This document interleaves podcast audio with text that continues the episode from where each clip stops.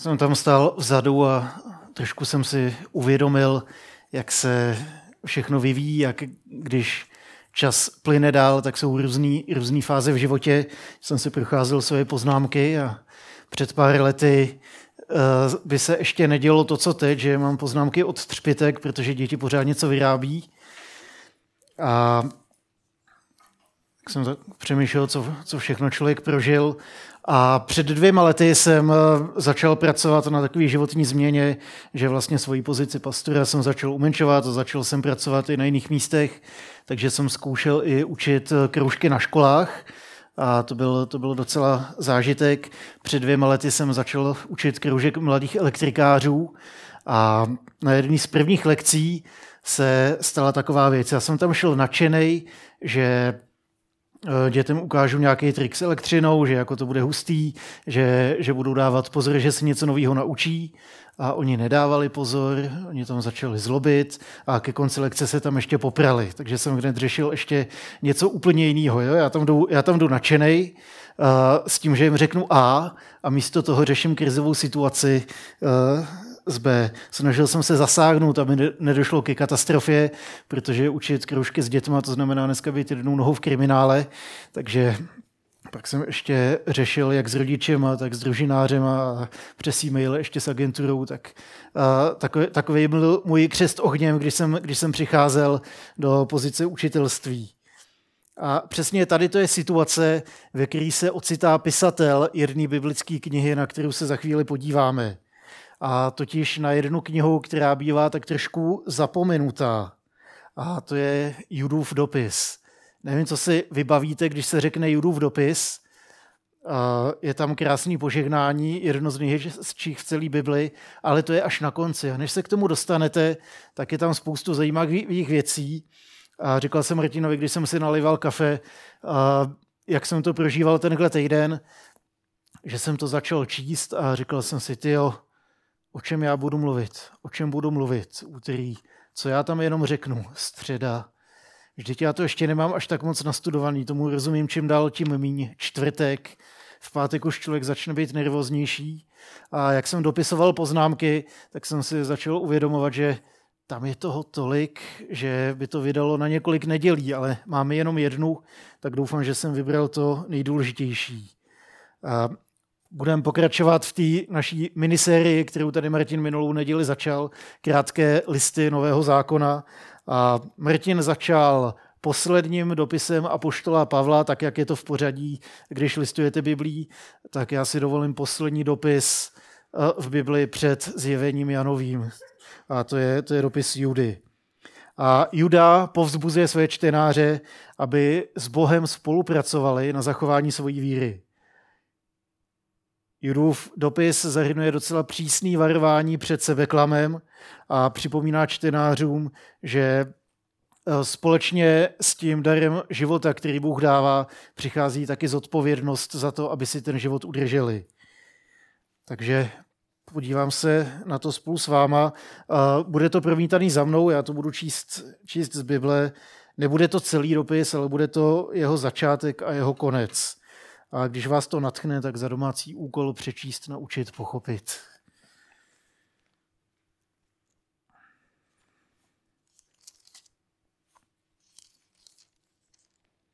Juda, služebník Ježíše Krista a bratr Jakubův, povolaným, kteří jsou milovaní v Bohu Otci a zachovaní pro Ježíše Krista. Milosrdenství vám a pokoj i láska v hojnosti. Milovaní, jakolik jsem toužil napsat vám o našem společném spasení, považuji teď za nutné napomenout vás, abyste ze všech sil bojovali o víru, která byla jednou provždy darována svatým. Vloudili se totiž mezi nás jistí lidé, jejichž odsouzení bylo už dávno popsáno. Tito bezbožníci zaměňují milost našeho Pána Boha za nestydatost a tak zapírají toho jediného panovníka, našeho Pána Ježíše Krista. Ale vy, milovaní, pamatujte, že to předpovídali apoštolové našeho pána Ježíše Krista. Řekli vám, že v posledních časech se vyskytnou posměvači vedení svými bezbožnými choutkami. Jsou to ti rozvraceči, tělesní lidé bez ducha. Ale vy, milovaní, budujte svůj život na své nejsvatější víře, modlete se v duchu svatém, uchovávejte se v boží lásce a očekávejte, že vás milosrdenství našeho Pána Ježíše Krista dovede k věčnému životu. S těmi, kdo pochybují, mějte soucit. Jiné zachraňujte jako z ohnivých plamenů. I s nimi jednejte soucitně, ale zároveň obezřetně, ať se vám oškliví i šaty poskrněné tělem. Tomu, který má moc uchránit vás před pádem a dovést do své slávy neposkvrněné a šťastné.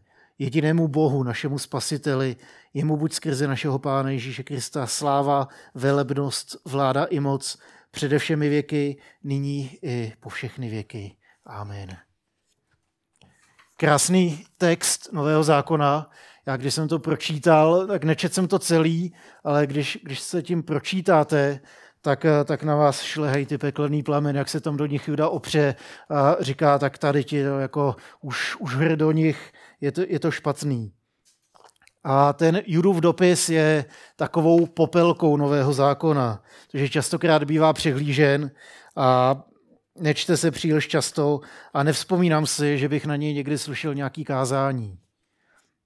Když se vás zeptám na Judův list, tak nejspíš si vybavíte to požehnání, který jsem četl na konci, ale co tomu předchází.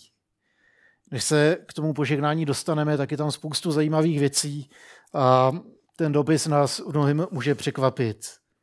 A zasluje si pozornost hned z několika důvodů.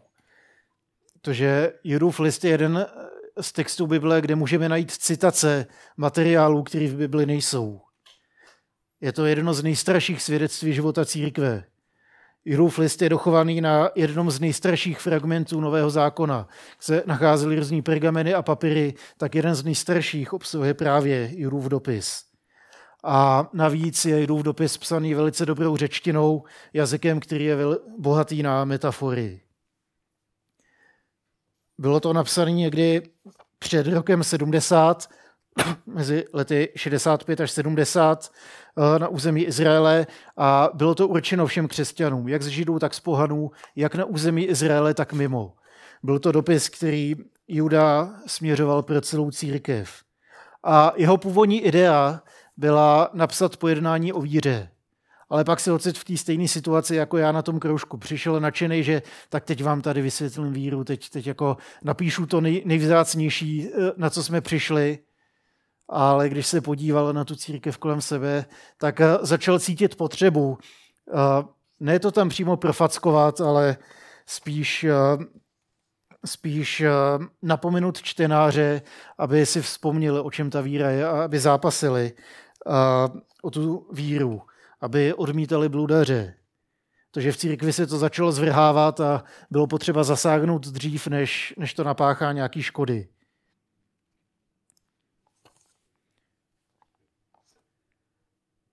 Dovedu si představit, že když se Juda rozhlídnul po té církvi, tak jeho původní nadšení, tak hele, teď jsem, teď jsem něco prožil, teď jsem něco nastudoval, chci to sepsat, ať tady to nejvzácnější, co, eh, na co jsem přišel, vám můžu předat, tak najednou vidí úplně jinou, zcela akutní potřebu. A tak to jeho nadšení rychle střídá zděšení, možná hněv a především ta akutní potřeba zasáhnout, ať zachrání, co se dá. V takové situaci se ocitá uh, autor dopisu Juda, bratr Jakubův, a Jakub byl bratr Ježíše Krista. Takže Juda byl Ježíšův bratr, ale on se představuje spíš jako učedník, protože on se na cestu následování vydal až po vzkříšení. Nám by se možná taky víc líbilo, kdyby napsal nějakou pořádnou systematickou teologii, do které bychom se mohli opřít, eh, o které bychom mohli odrážet naše přemýšlení, eh, aby vysvětlil evangelium do větší hloubky, kdyby víc popsal ten úžasný boží úspěch eh, v díle životě, smrti a vzkříšení Ježíše kdyby povzbudil křesťany k mocnímu svědectví lásky a evangelia. To by byl úžasný úkol, jenže Juda se nachází v tom okamžiku, kdy mu rostou facky na rukách a kdy je potřeba zasáhnout dřív, než bude pozdě. Věci se začínají zvrhávat směrem, kde se mu to nelíbí. A je to podobně, jako když vidíte dítě, který balancuje na hraně nějaký propasti.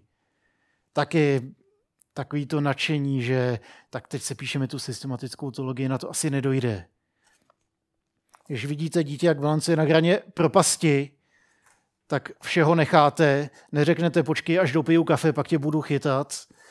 Ne, když vidíte dítě na hraně propasti, tak vyskočíte, převrhnete stůl, kafe vystříkne všude kolem, ve zpomaleném záběru dobí, dobíháte, skáčete, kamera krouží nad váma a vy to dítě chytnete v posledním vteřině před tím, než spadne. Juda se vzdává toho, co chtěl, aby zachránil ty, který má rád. Co bylo tím akutním ohrožením, který mu kazí plány na sepsání krásné systematické teologie? Nebylo by to přece jenom z dlouhodobého hlediska užitečnější? Když se říká, že není nic praktičtějšího než správná teorie.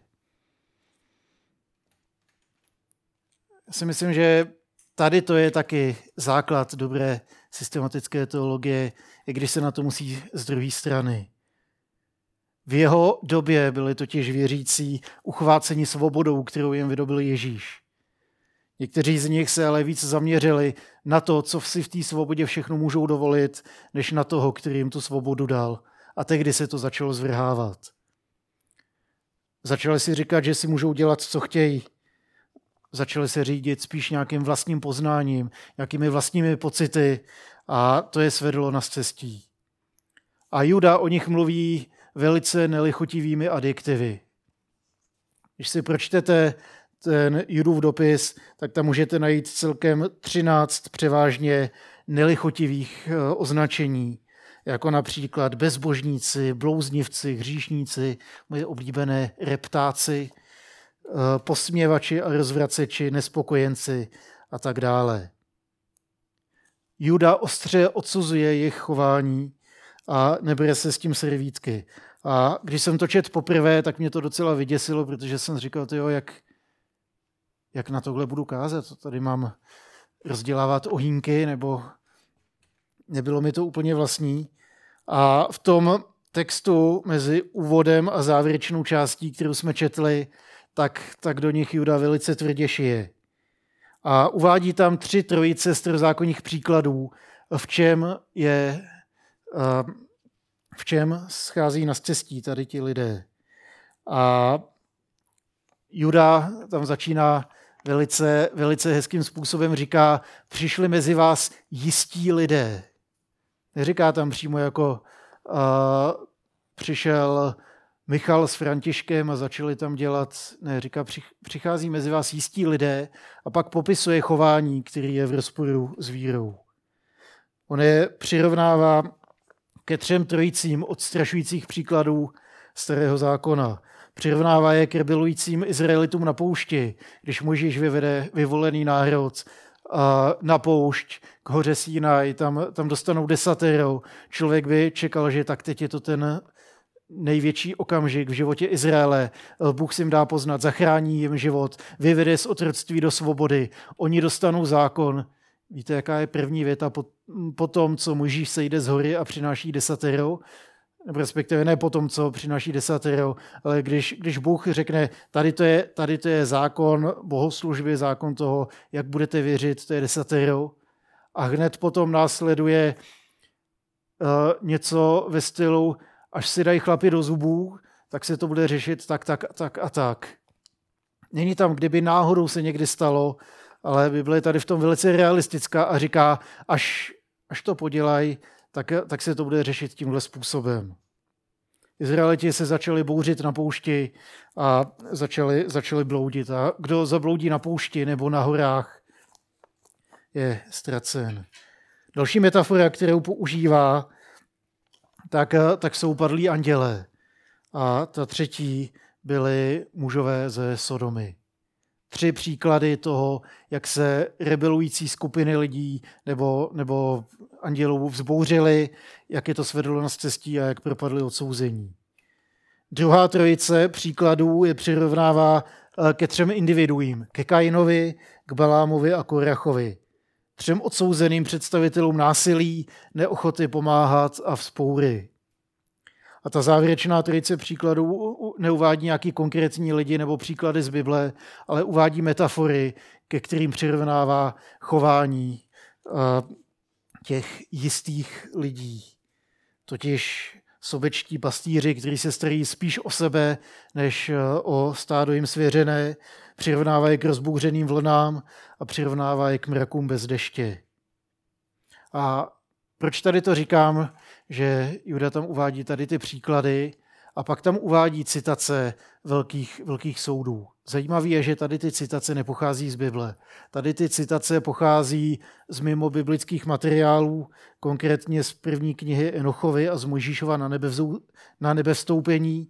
Jsou to starověké texty, které v Ježíšově době byly známé, ale nakonec se nestaly součástí Bible je celá řada textů a kolikrát, kolikrát se člověk může setkat i s tím dotazem, tak jak to je, když se najde nějaký text z Ježíšovy doby, když se najde nějaká kniha, nezmění se tím Bible?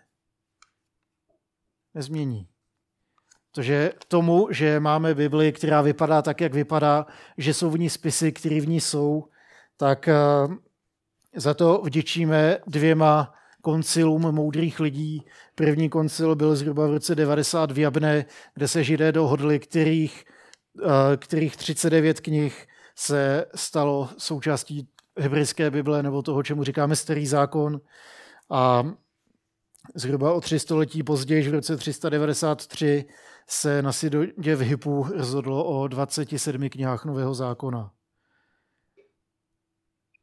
Co mají tady těch 66 knih společného je, že mají nějakou zvláštní jednotu navzdory své rozmanitosti, že se spolu podílejí na božím sebezjevování, že se spolu podílejí na tom, že skrz tady ty knihy se o Bohu můžeme dozvědět víc a že tady ty knihy směřují k Ježíši Kristu. Chytří Němci, němečtí teologové z první poloviny 20. století a zhruba stoletem před tím předcházejícím, tak eh, nám zanechali úžasnou myšlenku, kterou já mám hrozně rád, a to jsou dějiny spásy, nebo svatá historie, eh, Hilsgeschichte. Je to taková červená nit, která se táhne celou Biblí od začátku do konce a to je ta linka, která sjednocuje všech těch 66 knih. Totiž, že od geneze po zjevení můžeme vidět Boha který zachránitelským způsobem se sklání k lidem, aby je zachránil, obnovil a aby se lidstvo mohlo vrátit k uctívání Boha. Bůh zachraňuje lidstvo skrz Abrahama, Izáka a Jákoba a jejich potomky. Bůh zachraňuje lidstvo skrz Mojžíše, skrz vyvolený národ, který vyvádí z Egypta. Bůh zachraňuje vyvolený národ za pomoci proroků, kněží a králů, kteří vládli po tom, co odešli do země zaslíbené. A samozřejmě dokonalé naplnění všech tady těch předobrazů, ten nejlepší Abraham, ten nejlepší Mojžíš, ten nejlepší prorok, kněz a král eh, je Ježíš Kristus. V jeho inkarnaci, životě, smrti a vzkříšení můžeme vidět dokonalý naplnění všech tady těch zaslíbení nebo všech těch předobrazů, který, který můžeme číst v Bibli. Mám moc rád tady ten pohled na teologii, protože do centra dění staví Boha, jeho aktivitu a dílo Ježíše. A proto mi dává smysl právě ta svatá historie, ty dějiny spásy. Proto mi dává smysl Bible v tom provedení, v jakém ji máme, že když to vezmete od začátku do konce, tak ten příběh graduje, graduje až k Ježíši a jeho skříšením ten příběh nekončí, ale pokračuje s tím, že Duch Svatý přichází do církve a boží příběh pokračuje skrz církev až do velkého finále, kterým je kniha znevění. Spisy kánonu Bible se spolu podílejí na utváření tady té boží historie. Bůh si nám skrz ně dává poznávat. Tady ty záznamy stělesňují boží aktivitu v historii. A to je jeden z důvodů, proč tam máme ty knihy, které máme v Bibli. Ten druhý důvod, který, který mám rád, tak je, když se podíváte na to, co s váma ta zvěst dělá. Nejenom, že to zvěstuje Boha, který se sklání, který zachraňuje, který obnovuje lidi, který učí být lidst, uh, lidský, být víc lidmi. Když odhlídneme od té zvěsti a podíváme se na účinek, totiž co to dělá, k čemu tady to poznání, k čemu to učení, k čemu ta teologie vede, tak se dostáváme k tomu konečnému testu, eh, kterým by měla každá teologie projít. Eh, americký teolog George eh, píše, že největším testem pro jakoukoliv teologii je, jestli umožňuje víru a poslušnost Božímu slovu.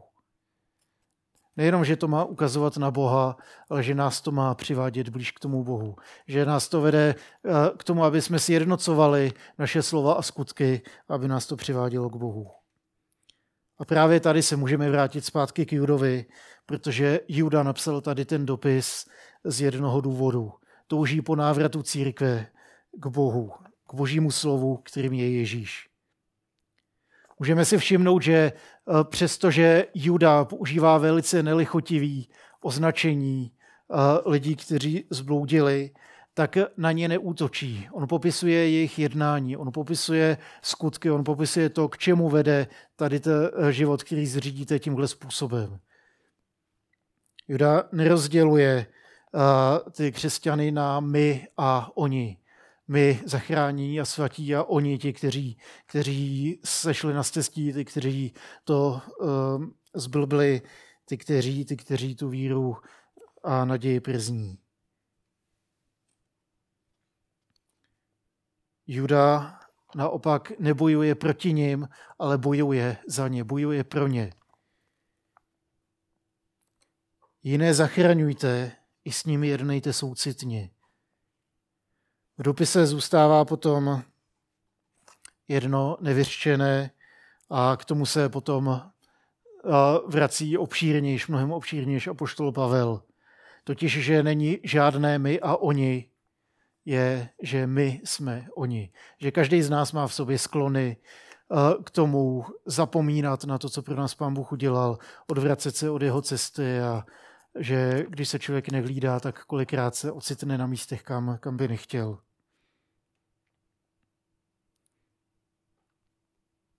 Že je velice snadný a každý v nás si nese sklony k tomu, aby, aby jsme se sami stávali těmi jistými lidmi a třinácti dalšími nelichotivými adiktivy, který Juda používá, eh, kteří si nikoho a nic nepotřebují, kteří si nacházejí dokonce biblickou oporu pro svoje jednání, protože přece máme svobodu, tak co nám kdo bude říkat, co tady máme dělat.